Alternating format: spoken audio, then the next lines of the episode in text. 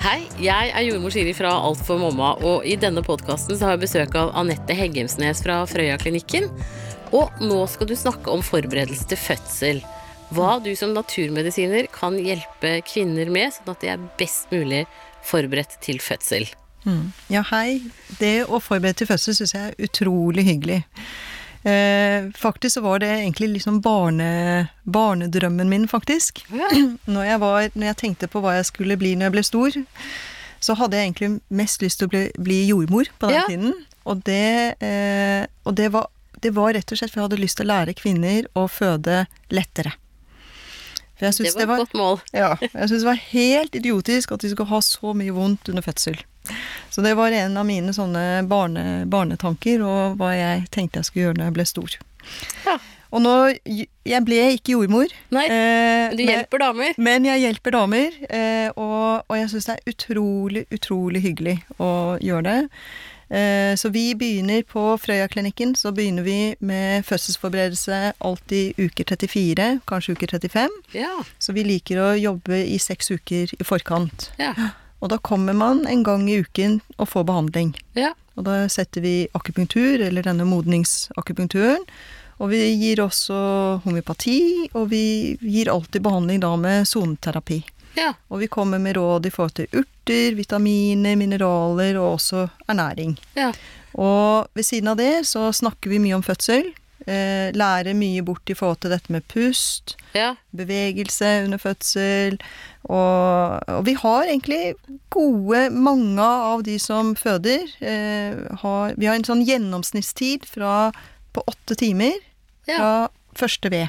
Fra første ved. Fra første Det er jo lynraskt, da. Ja, jeg syns det er veldig på, for det er det, det er det kvinnene husker. De husker ikke når man har fire centimeter eller noe. Når Nei, man nei. på sykehuset og man begynner å som telle. jordmor så er jeg Ja. opplært til at liksom du, fra du har ti minutter eller mindre mellom riene Ja. til ungen er ute, så er jo det normalt 12-18 timer for en førstegangsfødende, Ja. og 6-12 timer hos en flergangsfødende. Ja, ja. Så det, det, det kan jo tyde på at det, det virker, da. Ja, eller jeg, vi syns i hvert fall Vi har jo så klart også kvinner som bruker lang tid på fødsel, Ja, eh, for all del. Men vi har også en del kvinner som bruker mye kortere tid. Ja. Og da, ha, da er det jo mindre komplikasjoner under Mm. en fødsel. ja. Så Men når du sier fødselsforberedende akupunktur, hva er det som forberedes? det er, ikke sant, man er ute etter å på en måte modne livmorhalsen, sånn at den eh, eh, blir på en måte mykere. Man kan på en måte, man kan, Hvis man hadde sett på det, så ser man at den går lettere i en sånn trakteform. Ja. Og hvis en jordmor kjenner på livmorhalsen, så vil den kjenne mykere ut. Ja. Mm. Så det har man sett sånn forskningsmessig, og da har man også sett at eh, kvinner føder nærmere termin, eller i Mm. hvert fall rundt terminen. Og, og sånn jeg har forstått det, så har det også en positiv effekt på lengden på fødselen. Mm. Ja. ja, men det er interessant. Ja. Absolutt. Og så- eh, bringebærblader, eh, kapsler Det skal jo også virke veldig positivt i forhold til fødsel og rier.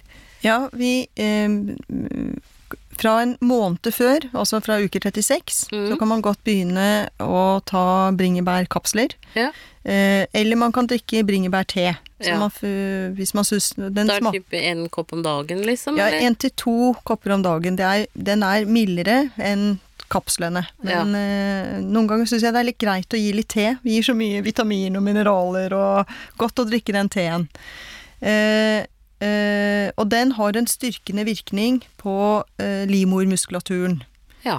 Eh, men helt klart at ser man at eh, det øker skinneaktiviteten, altså at man føler at man begynner med bringebærbladte, og så får man mer skynnere, så anbefaler vi å stoppe. ja. Mm. For da kan du rett og slett føde litt for tidlig.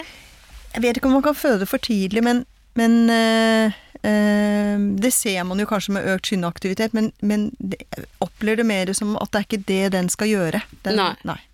Det, det, det stresser en kvinne å få mye mer skinneaktivitet, Ja. og det skal hun ikke ha. Hun skal ikke ha økt skinneaktivitet før fødsel, tenker jeg. Og så har jeg også lært, men det Mm. kan jeg ikke nok om, at eh, bringebær skal virke styrkende på underhuden. Ja, Sånn at man sprekker litt mindre eventuelt i perineum når man føder.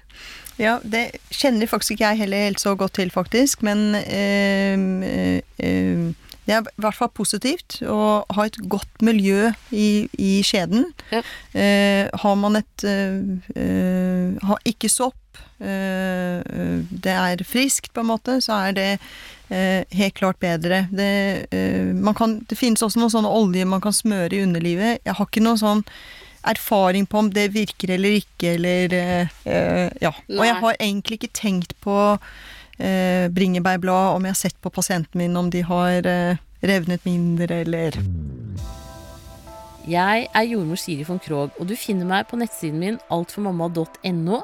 Jeg er på Facebook både med jordmor Shiri for de som er gravide og venter barn, og så med Alt for mamma for de som har født og har små barn i huset.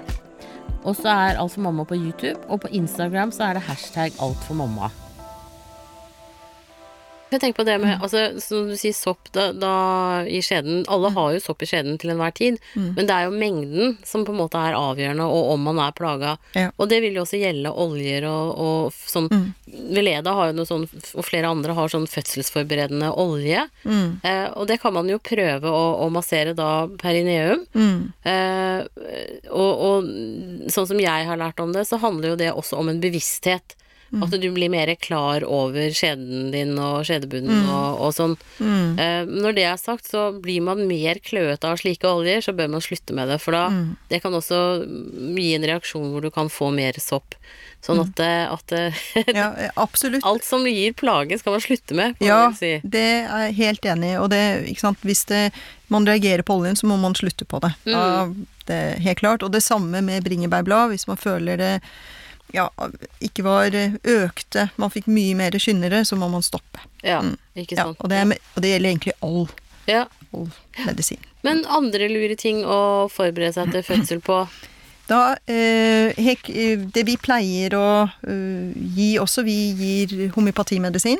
Ja. Eh, ofte så har vi gitt en medisin som heter kaulofyllum, som vi syns også kan ha litt lignende virkning som bringebærblad, som også har en styrkende virkning. Og man ser også under fødsel at den kan være med å, å regulere, altså eh, få mer jevne eh, rier. ja.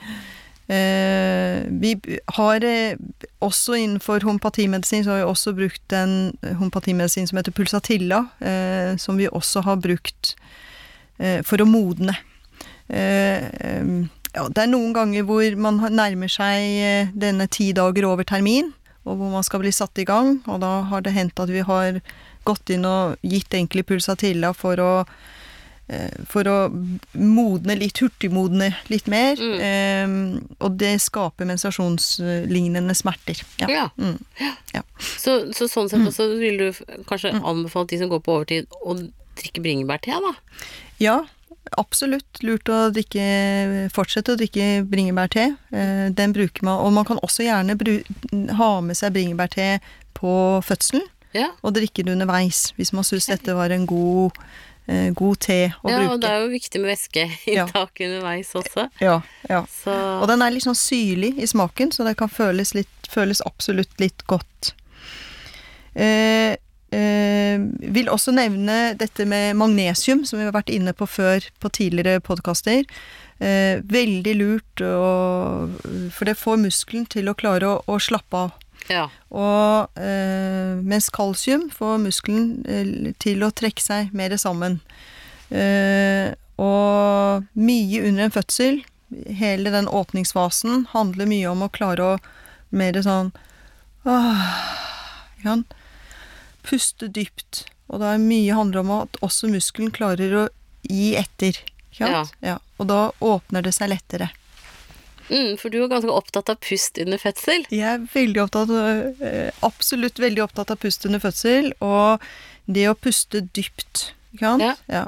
Så når det kommer en ved, og kjenner den sammentrekningen, at man bare synker litt inn i den, og mer sånn åh, Ikke sant? Bare åh, Mm, fødsel med lyd. Med, gjerne med lyd. Jeg må, eh, når jeg driver og spiller dette for pasientene mine, så gir jeg mye lyd, men så klart så kan man godt være i fødsel uten lyd. Ja, men, ja. eh, Det, de fleste, veldig mange, er jo i fødsel med lyd. lyd, ja. Så det er absolutt tillatt, får vi si. Ja, ja. Og Det- det er litt godt å kjenne på eh, stemmen sin også. Ja. Mm. Ja, og så er det jo en uttrykk for eh, Altså, det er jo med på å lette på trykket, det også. Ja. Og, og gi litt lyd og si litt fra. Mm.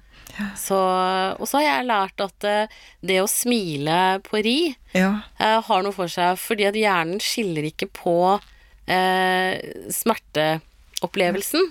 Ja. Men den Og vi er jo Kroppen vår er opplært til at smerte er en beskjed om fare. Mm. Mens fødsel er jo ikke fare. Fødsel er at det rett og slett er litt trangt, får vi vel si. Mm. Eh, så da, hvis man da smiler på ri, så skjønner hjernen bedre at dette er en smerte som ikke er farlig. Og det kan man jo også repetere for seg selv i fødselsarbeidet, tenker jeg.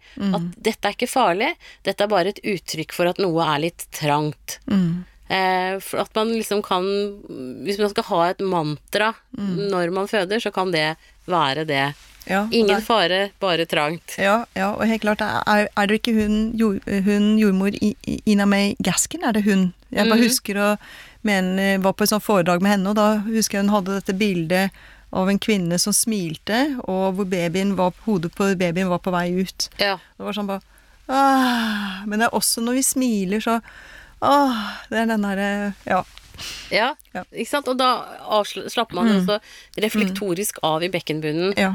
Sånn at det, det, har, det har flere funksjoner med dette smilet, selv om det ikke høres ut som det man driver mest med når man føder, så burde man faktisk gjøre det. Ja, og gjerne tulle litt med mannen sin. Eller hvis mannen får til å tulle litt med dama si. ikke? Ja, ikke sant? Få frem litt latter og, og, og bevegelse og, eh, og det å rusle litt rundt. Mhm. Rusle rundt. Eh, Man vet at det å bare stå og gå forkorter fødselen. Ja, ikke sant? Mm. Og gynge litt, og pilatesballer å sitte på Ja. og sånn kan være bra også. Ja, ja. Smådanse litt og Ja. Men helt klart, når en ved kommer, så har man behov for å henge over noe og, og igjen da puste. Mm, mm.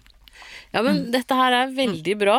Eh, Jeg har jo tenkt å invitere deg igjen litt senere og snakke om barseltid og det om å ha små barn i huset og hva som kan være gode råd der. Mm. Men tusen takk til deg, Anette Heggemsnes, som kommer fra Frøyaklinikken. Takk. Veldig. Eh, ja, du finner Anette på frøyaklinikken.no. Eh, og følg oss gjerne også på Facebook-siden vår alt, Jordmor sier og Alt for mamma, og nettsidene våre eh, Alt for mamma, og du finner oss på Instagram og YouTube også. Da ønsker jeg deg riktig lykke til videre, og husk å abonnere på denne podkasten, slik at du får varsel om nye episoder. Og opptakene er gjort hos Biovisjon Studios.